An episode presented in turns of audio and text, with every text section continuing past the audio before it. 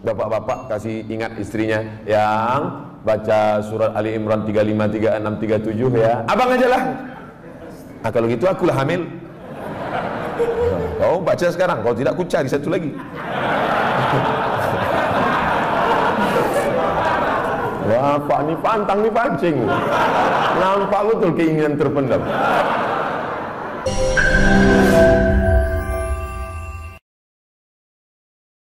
Sekarang saya jawab pertanyaan. Kemarin pernah ngisi acara di Mandala. Ustadz kemarin ngisi acara di Mandala. Minta doa agar dapat keturunan Pak Ustadz. La amrin asirin. Kalau surat ini dibacakan pada perkara yang sulit, sulit nikah, sulit anak, sulit rezeki, illa yassarahullah, maka Allah memudahkan.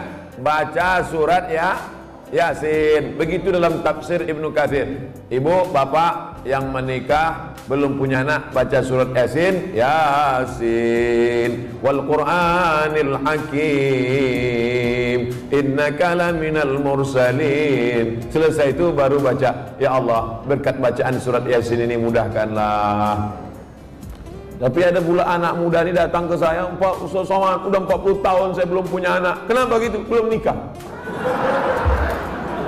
Nikahlah. Baca surat Yasin juga. Surat Yasin. Dulu waktu Ustaz pernah mengisi ceramah di Mandala, saya minta doa agar dapat keturunan. Ya, kita doakan. Alhamdulillah Pak Ustaz, setelah itu istri saya positif. Alhamdulillah. Ah, kita yang takut positif itu kalau razia narkoba. kalau positif hamil, kalau udah nikah, alhamdulillah. Belum nikah, nauzubillah. Sekali lagi mohon doanya Pak Ustaz. Ah, minta doa sekali lagi. Agar saya dapat keturunan yang soleh dan soleha. Baca surat Ali Imran ayat 35, 36, 37. Mau tidur malam sama habis subuh.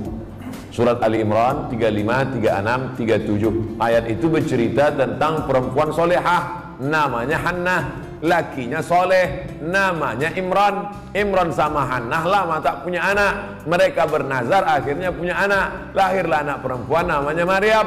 Maryam punya anak laki-laki namanya Isa. Allah jaga keturunannya. Idh qalat imra'atu Imran rabbi inni nadratu laka ma fi batni muharraran fataqabbal minni innaka antas samiul alim. Falamma wada'atha qalat rabbi inni wada'tuha unsa. Ini bagus. Bapak-bapak kasih ingat istrinya yang baca surat Ali Imran 35, 36, 37 ya. Abang aja lah. Nah kalau gitu akulah hamil. Kau baca sekarang, kalau tidak aku cari satu lagi. Wah, Pak ni pantang ni pancing. Nampak betul keinginan terpendam. Insya Allah kalau anak saya laki-laki akan saya beri nama Muhammad Baghawi. Oh, ulama besar. Imam Nawawi ada mengutip pendapat Imam Al-Baghawi dalam kitab Majmu' Syarah Muhazab dalam masalah bayar fidyah solat. Fidyah solat itu itu pendapat Imam Al-Baghawi yang dikutip pendapatnya oleh Imam An-Nawawi dalam kitab Al-Majmu' Syarah Muhazab. Bagus sekali. Kalau perempuan mohon kasih nama Pak Ustaz Nuaira. Nuaira artinya secercah cahaya. Masya Allah. Kok tiba-tiba Ustaz kasih itu? Tak tahu pas nengok lampu. Nuaira. Nanti manggil dengan Nuaira secercah cahaya. Tambah-tambah kasih lain boleh tak apa-apa. Ustaz, apa yang membedakan seorang makmum dengan seorang imam? Imam di muka, makmum di belakang. Ustaz ni macam jawaban anak TK. Al-imamu junnah. Imam itu penanggung jawab. Fakiraatul imam qiraatul makmum. Bacaan seimam menjadi bacaan makmum, maka bacaan imam mesti sempurna. Syarat menjadi imam om 14. Buka dalam kitab Al-Fiqhul Islami wa Adillatuh Syekh Zuhaili menurut mazhab Syafi'i. Yang pertama, wali. Jadi kalau berkumpul orang di kota Medan ini, siapa yang paling layak menjadi imam? Wali kota. Kalau wali kotanya tak sanggup jadi imam, ah, yang tak usah bersuara Imam Imam Zuhur, Asar, Diangkat imam. Imam yang kedua namanya imam ratib. Diangkatlah imam ratib. Kalau di Masjidil Haram itu Syekh Abdul Rahman Sudais. Itu diangkat oleh raja, oleh Sal, oleh sebelum Salman, sebelum lagi Abdullah, sebelum lagi Fahad. Nah, itu imam paling tinggi wali. Yang keduanya adalah imam ratib. Yang ketiga ahfazuhum yang paling banyak hafalan Qur'annya. Jadi kalau kumpul kita ramai-ramai, siapa yang paling layak jadi imam? Oh, inilah yang hafiz-hafiz. Ini sekarang banyak orang salah nih. Maju anak di depan, tuanya udah nikah dia. Pak, dia memang belum nikah, tapi hafal Quran. Bapak udah nikah, nikah berapa kali, tak apa-apa lagi sama. Memang belum nikah, tapi Quran itu di kepala dia. Dia tinggal klik klik klik klik keluar Quran. Bapak klik klik klik keluar hutang. Saya lihat ada beberapa masjid musola tempat imam itu lebih tinggi beberapa sentimeter. Boleh apa tidak Pak Ustaz? Makruh hukumnya kalau tempat imam itu lebih dari zira, zira sehasta. Sini? Tak ada, sejengkal pun tidak. Kalau tempat imam itu lebih tinggi dari sehasta nih, makruh hukumnya. Dalam kitab Al-Fiqhul Islami wa Adilatu. Dulu imam itu dibuat tinggi. Kenapa imam itu tinggi? Supaya suara imam sampai ke belakang. Karena waktu itu belum ada mikrofon. Maka suara imam tinggi. Bismillahirrahmanirrahim.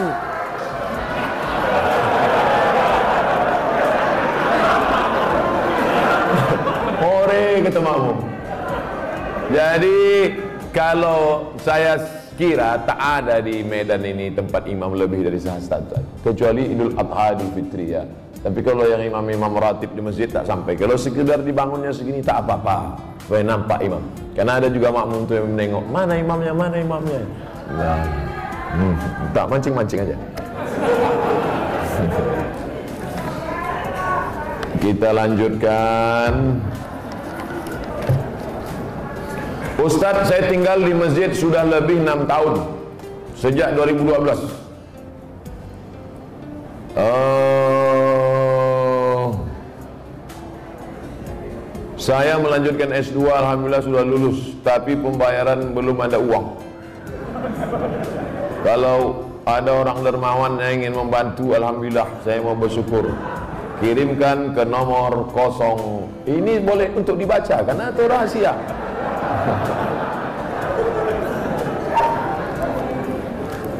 Man kharaja fi talabil ilmi orang yang menuntut ilmu fahuwa fisabilillah maka dia fisabilillah sampai dia pulang ke rumah.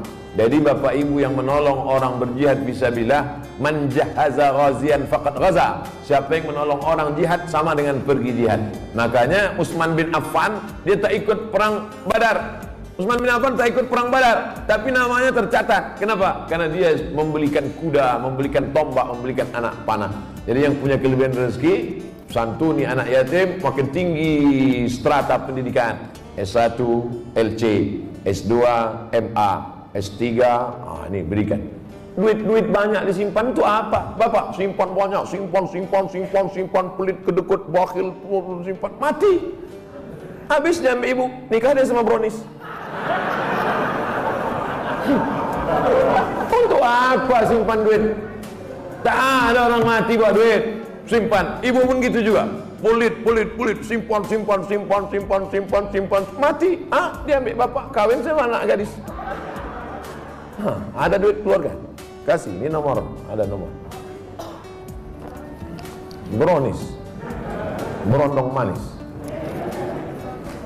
Semoga Tuhan Guru diberikan keberkahan. Amin. Amin. Bolehkah kita menjamak sholat ketika melakukan operasi? Syarat jamak kosor 89 km Dari Pekanbaru ke Medan 600 km Pekanbaru ke Medan 600 km Kalau tak percaya ukur sendiri Itu maka saya jamak kosor tadi Asar dua rakaat Tapi boleh jamak tidak pakai kosor Hadis riwayat Abdullah bin Abbas. Hajat sangat tinggi. Bapak dokter spesialis. Operasi jam 11. Selesai jam 5. Jam 11 tadi operasi selesai jam 5. Zuhurnya ke mana? Jamak takhir. Tidak pakai kosor. Zuhur 4 rakaat. Asar 4 rakaat. Yang mengoperasi. Tak bisa diganti dengan dokter lain. Memang dia aja sendiri. Banyak kabel-kabel dalam. Harus salah potong. Kalau sampai digantikan dokter lain, bingung dia. Oh ini salah sambung pula, koslet. Yang mengoperasi. Bagaimana dengan yang dioperasi? Begitu juga. Operasi tulang belakang, operasi kulit. Jam berapa mulai operasinya? Jam 6 sore. Sementara di Medan maghrib jam 6.30. Selesai operasi jam 10 malam. Ke mana maghribnya? Maghribnya tarik jamaah takhir, maghribnya tiga rakaat, isyaknya empat rakaat. Tapi jangan mempermudah-mudah. Ini banyak ini, ini operasi tingkat tinggi. Ini nikah pun main jamak juga. Nikah, tak sholat zuhur tuh duduk di pelamin. Kau tak sholat zuhur, sayang makeup luntur. Tak ada rukhsah, tetap sholat zuhur, tetap sholat. Di setel jam 12.30 duduk di pelaminan. Stop jam 5 supaya zuhurnya tetap sholat pada waktunya dan asarnya tetap. Tapi kalau operasi ini memanglah operasi ini lama. Baik yang mengoperasi maupun yang dioperasi. Karena apa? barurat tingkat tinggi. Kita doakan anak-anak kita jadi dokter insya Allah kenapa begitu? dokter ini duitnya banyak. Kerjanya tak berat buka-bukaan mulut orang ah 5 juta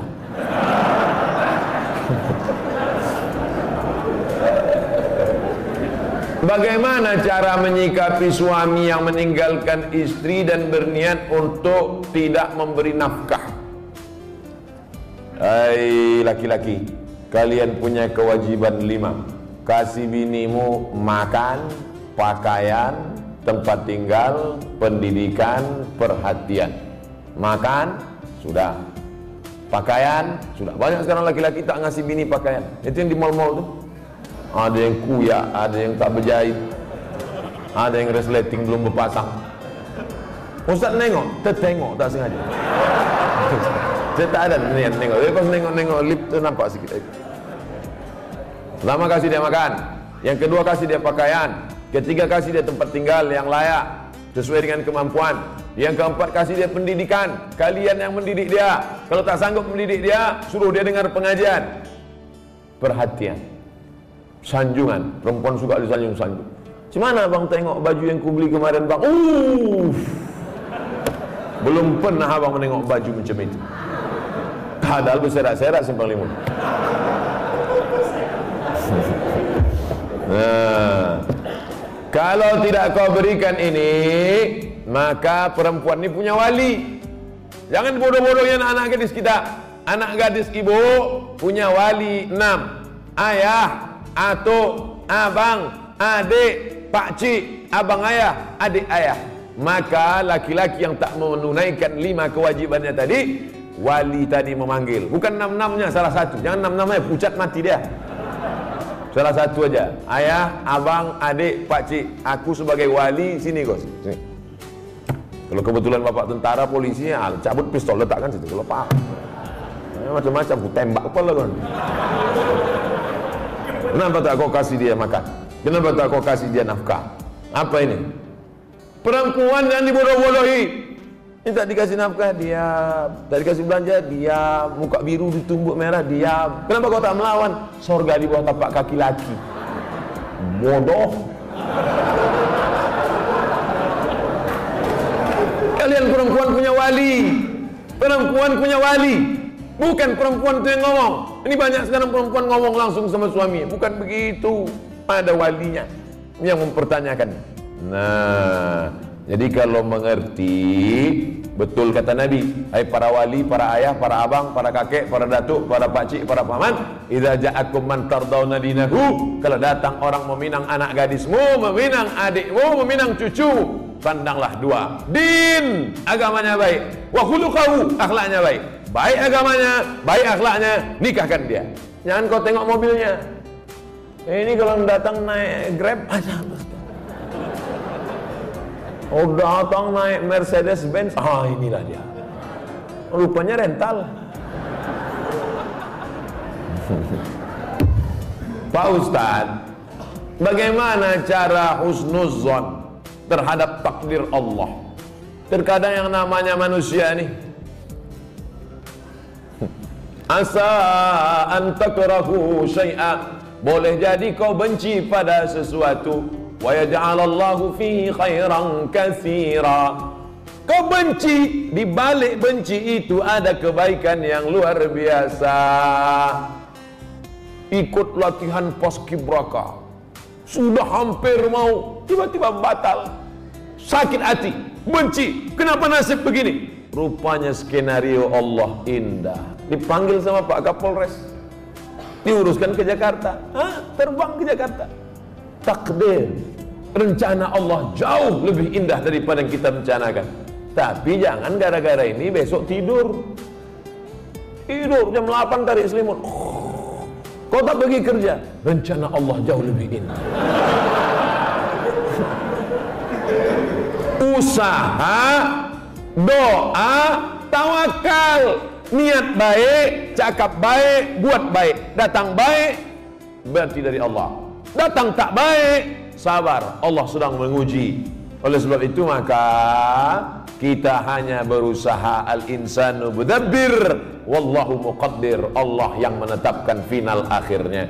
Jangan pernah berhenti berusaha, jangan pernah suuzon pada Allah Subhanahu wa taala. Kalau sudah terjadi tak sesuai dengan keinginan, qaddarallah. Kalau sudah terjadi tak sesuai dengan kehendak, apa yang keluar dari mulut kita? Qaddarallah. Ucapkan qaddarallah. Sudah takdir Allah. Qaddarallah. Karena kalau berkalau-kalau dibeli tanah dua hektar ditanam sawit ditunggu pupuk memupuk membersihkan dua tahun begitu panen datang orang lain ngambil ini sawit saya ini tanahnya.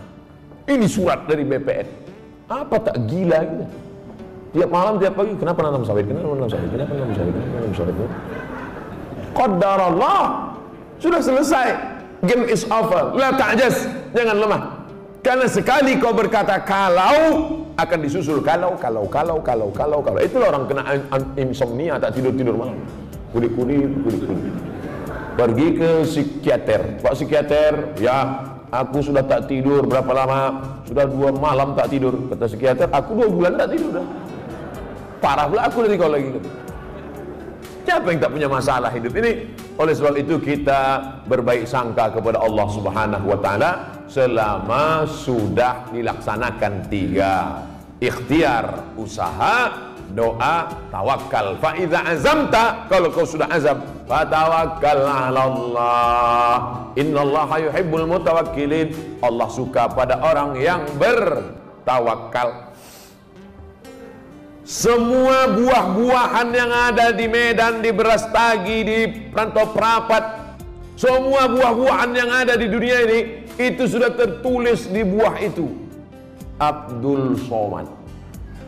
Semua ikan-ikan yang ada di Belawan, yang ada di Medan, yang ada di Pancur Batu sudah tertulis di ikan itu Abdul Somad. Tidak akan mungkin ikan itu dimakan orang lain ikan mahal, ikan hebat sudah tertulis itu, tak akan mungkin makan. Abdul Somad tak sanggup membeli ikan itu karena sekilonya sampai 200 ribu. Mana kita sanggup? Seonnya 200 ribu, ikan mahal. Itu kalau dimakan tamu menetes air mata kita. Saking mahal. Tapi karena sudah tertulis punya Abdul Somad, kalau rezeki takkan ke mana. Dituliskan Allah SWT. Siapa membelikan itu? Bini gubernur belanja pagi-pagi. Orang kaya belanja kan nunjuknya pakai kelingkingannya berapa? Berapa? Ya? Nah, dimasak. Selesai dimasak, tentu makan pakai meja yang bisa berputar tuh. Kalau berkumpul lah di situ, Kapolda, dan rem, gubernur, siapa yang ustadz, siapa yang makan duluan? Ustadz lah mungkin orang itu makan duluan. Masih ada. Silakan Ustaz ah, doa lah duluan situ. Hah? udah ada nama situ Abdul Somad. Tapi cerita ini jangan membuat kita pasif tak bekerja. Ya gara-gara ini besok bapak tak ada yang masuk kantor. Bang nih bang bang bang kerja. Udah tertulis nama aku di ikan itu ibu jangan marah kalau ada laki besok begitu ibu diam aja Pas jam 9 dia bangun dibukanya. Mana sarapan kita? Ada tulis nama bang situ bang.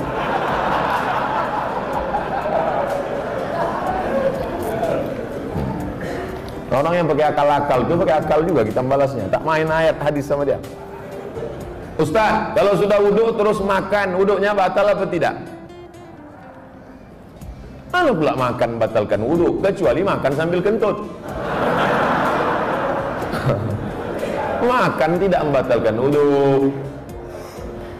Beli buku judulnya Fikih Islam Sulaiman Rashid. Saya ulang sekali lagi. Fikih Islam Sulaiman Rashid bahasa Indonesia. Syekh Sulaiman Rashid orang Lampung, tamat dari Al-Azhar Mesir 1935. 10 tahun sebelum Indonesia merdeka dia sudah tamat Al-Azhar Mesir. Jabatan terakhirnya rektor di Lampung, IAIN Lampung. Fikih Islam simple sederhana supaya tahu mana rukun, mana syarat, mana wajib, mana makruh, mana membatalkan. Setiap rumah mesti punya buku ini. Ini fikih yang simple, murah. Harganya 40 ribu. Kalau naik saya tak tanggung jawab.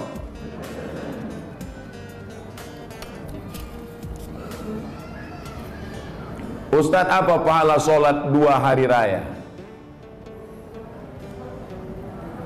Sholat idul fitri idul adha tak perlu dibalas. Sholat idul fitri idul adha tidak perlu disebutkan dalil-dalilnya Tak perlu dimotivasi. Karena yang tak sembahyang pun sembahyang. Yang perlu dikasih motivasi itu sholat subuh.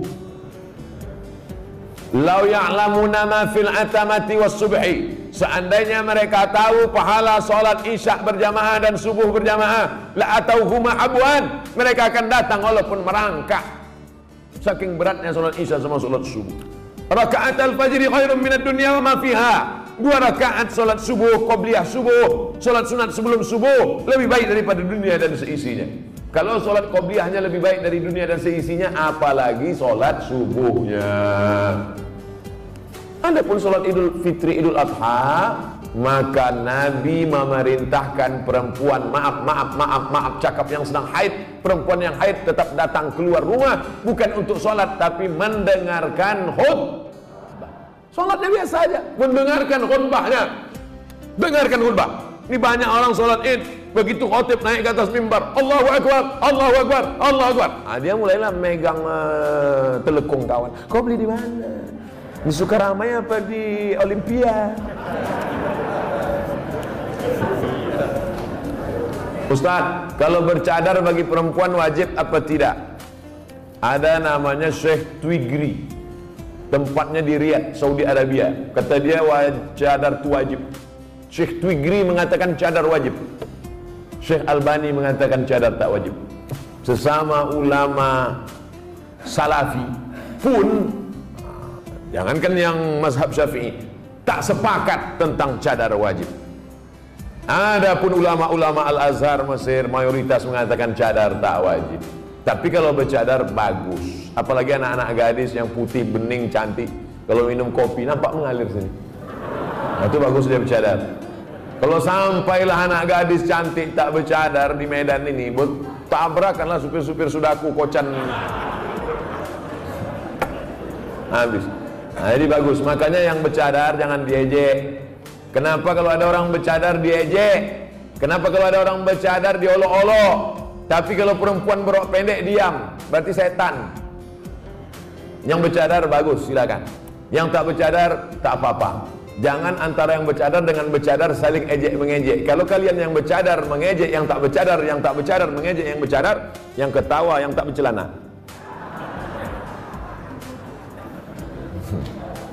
Nah, oleh sebab itu mari kita jaga. Selama dia tak keluar dari ahlu sunnah wal jamaah, maka tak boleh saling caci, mencaci, maki, memaki. Pandangan dari syariat Islam tentang mewujudkan kemerdekaan yang hakiki. Merdeka kita tidak didikte orang lagi. Dulu kita didikte, ditunjuk-tunjuk kiri oleh Belanda dan Jepang. Belanda sudah pulang, Jepang sudah pulang. Hiroshima, Nagasaki dibom oleh Amerika, pontang panting Jepang balik. Dan kita sekarang sudah merdeka. Masih ada bangsa yang belum merdeka. Palestina masih dijajah Israel, laknatullah alaihim. Uighur masih dijajah. Rohingya masih dijajah. Patani masih dijajah. Septa Melilia masih dijajah. Kita sudah merdeka. Bangsa Indonesia di pembukaan Undang-Undang Dasar atas berkat rahmat Allah yang Maha Kuasa dan keinginan luhur bangsa Indonesia. Dengan ini menyatakan kemerdekaan. Karena penjajahan di atas dunia harus dihapuskan karena tidak sesuai dengan pri kemanusiaan dan pri keadilan. Bebas dari penjajah sudah, tapi kita perlu lebih hebat lagi. Bebas mengatur hasil alam kita untuk kita supaya anak-anak kita tidak lagi memikir ada anak yang bunuh diri karena tidak bayar SPP, malu diejek kawan-kawannya. Padahal mestinya pendidikan gratis. 20% sudah dialokasikan pemerintah. Ada orang yang mesti ngantri hanya untuk mencari pekerjaan sebagai driver transportasi online. Bukan hina pekerjaan ini, halal, baik, tapi tak layak dengan strata pendidikan mereka yang tinggi. Oleh sebab itu maka kita tak boleh merasa puas, tapi bukan ajang untuk caci mencaci celah mencela. Ini tanggung jawab kita bersama. Mudah-mudahan kita merdeka dari kebodohan, merdeka dari uang sekolah yang mahal, merdeka dari tidak ada kesempatan kerja sehingga tahun ke depan tahun ke depan menjadi lebih baik, lebih baik insyaallah. Amin ya rabbal alamin mengisi kemerdekaan itu peringatan 17 Agustus itu dengan syukur pada Allah. Karena kemerdekaan itu rahman Allah. Ini sekarang banyak orang mensyukuri kemerdekaan. Laki dipakainya baju bininya main bola pakai daster. Apa ini? Pejuang kita dulu botang panting mengusir Belanda. Dia potang panting pakai baju bini. Saya tidak bertanya saya hanya mohon doa agar anak saya jadi hafiz Quran yang rendah hati Suka bersedekah serta bermanfaat bagi umat. Tidak hanya yang minta request ini Semua anak-anaknya nanti Baik yang sudah lahir maupun belum lahir Maupun yang emaknya belum dapat. Yang lajang-lajang nih yang berondong-berondong nih Saya doakan nanti semua di akhir majlis Semuanya mendapatkan kebaikan insya Allah Amin. Ya Rabbal Alamin. Ringkas saja Pak Ustaz. Saya mohon Ustaz jabarkan tentang Nabi Ibrahim yang walaupun ayahnya kafir, beliau sangat santun terhadap orang tuanya. La illam tantahi Ibrahim, kalau kau tidak berhenti menceramahi aku, kalau kau tak berhenti mengajak aku menyembah Allah, la arjumannaka, aku lempar kau pakai batu sampai mati Ibrahim. Ada ayah orang Medan gini. Rasa-rasanya tak ada. Kalau kau tak berhenti menceramahi aku Ibrahim, la arjumannaka, aku lempar kau pakai batu. Wahjurni malia. Pergi kau dari sini. Tinggalkan rumah ini, tinggalkan kampung ini, malia untuk waktu yang lama. Usah kau balik-balik lagi. Apa jawaban Ibrahim alaihissalam? Salamun alaika. Selamat untuk ayah. Sa'astaghfirulaka Rabbi. Aku akan mintakan ampun kepada Allah atas dosa-dosamu wahai ayahku. Innahu kana bi hafiya. Allah itu mengabulkan doaku. Kalau anda berbakti pada orang tua Dibalas Allah mendapat anak yang berbakti juga. Apa balasan Allah terhadap budi baik Ibrahim? Dapatnya dua Kau buat satu, ku balas dua. Ibrahim dapat balasan dua. Lahirlah Ismail dengan Is. Dites Ibrahim. Dibawanya pisau. Ya bunaya, wahai anakku. Inni arafil manam. Aku tengok dalam mimpiku malam tadi. Anni azbahuka. Aku menyembelih lehermu. Fanzur ma'za taro. Apa pendapatmu? Bapak kalau mau ngetes anak bapak sesoleh anak Ibrahim, balik dari sini ambil pisau. Ya bunaya, wahai anakku, anni arafil manam. Aku tengok dalam mimpiku malam tadi, anni azbahuka, aku sembeli lehermu. Fanzur ma'za tara. What is your opinion, oh my son? Gilo ya katanya. Apa jawab Ismail? Ya abati wahai ayahku If'al ma tu'mar Laksanakan apa yang diperintahkan Allah. Satajiduni insyaallah Minas sabirin. Insyaallah aku menjadi anak yang sabar. Dosa minum khamar boleh jadi di dunia tak dapat di akhirat dibalas Dosa sabu-sabu boleh lagi boleh jadi di dunia tak dapat di akhirat dibalas. Tapi dosa durhaka pada orang tua dua-dua dapat. Di dunia dapat, di akhirat dapat. Waspadalah.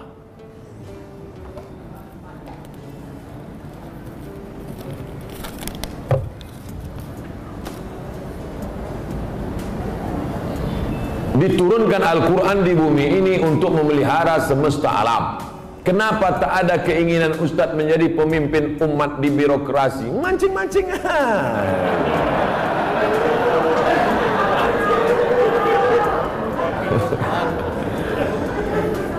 Saya ni bukan Ustadz jadi-jadian. Nih aku kasih tahu. Saya dari kecil memang sudah dipesankan datuk-datuk saya cucuku yang ini mesti sekolah agama Cucuku yang satu ini untuk sekolah agama.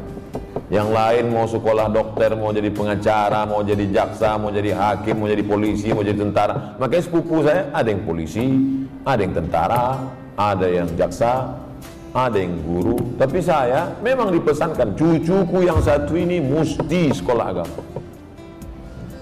Nah, jadi pilih yang lain-lain. Jangan sakit hati. Banyak lagi yang mantap-mantap hebat-hebat. Jadi Ustaz, saya sampai mati jadi Ustaz aja. Kalau masih kuat berceramah, ceramah. Tak lagi kuat, ngajar alif. Alif kata alif bawah lakukan oh, Apa tanggapan Ustaz tentang hukum pembuat penjual lukisan? Idza kanat laha dhillun ajma'al ulama ala tahrimiha. Begitu kata Imam Ibnu Hajar Al-Asqalani. Kalau ada bayang-bayangnya, maka sepakat ulama bahwa dia haram. Ada bayang-bayangnya. Lahazillun, ada bayang-bayangnya. Ambil senter, senter dia. Senter, ada tak bayang-bayangnya? Artinya yang tak boleh itu pak, patung. Dicetak, diukir, dibentuk. Itu pun kalau lengkap dari ujung rambut sampai ujung kaki. Kalau kepalanya aja tak apa-apa, boleh. Ibu di rumah ada patung gajah keramik mahal. Lengkap dari belalai sampai ujung kaki. Ah, balik dari sini, ah, potong. potong. Ah, tinggalkan belalai aja sedikit. Jangan utuh, haram, tak boleh. Di kamar ada keramik burung merpati sedang bercengkrama. Ada lampu di tengah, utuh dari muncung sampai ekor sampai kaki. Ah, potong. Bang demi Ustaz Somad kita puasa. Tinggalkan sikit Jangan utuh, yang utuh tak boleh. Haram, tak masuk malaikat. Malaikat rahmat tak masuk. Apakah setiap muslim bisa menjawab pertanyaan malaikat kubur?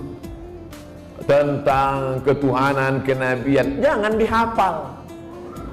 Ini bukan tes PNS Ini bukan SNMPTN seleksi nasional masuk perguruan tinggi negeri.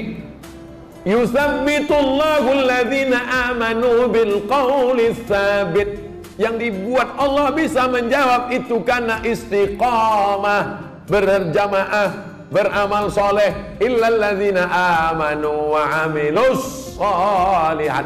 Jadi yang dia dari sekarang. Man Rabbuka Allah. Man Nabiyuka Muhammad Man Imamuka. Kau tak semayang ke masjid? Eh, ah, udah kuapal semua kecil sudah dia dapat bocoran soal. Ini bukan oh, ini otak-otak ini. Amanu. Yang bisa menjawab itu diistiqomahkan karena dia istiqomah di sini, istiqomah pula dia di sana. Makanya sebelum salam fil alamina innaka hamidum majid. Cukup.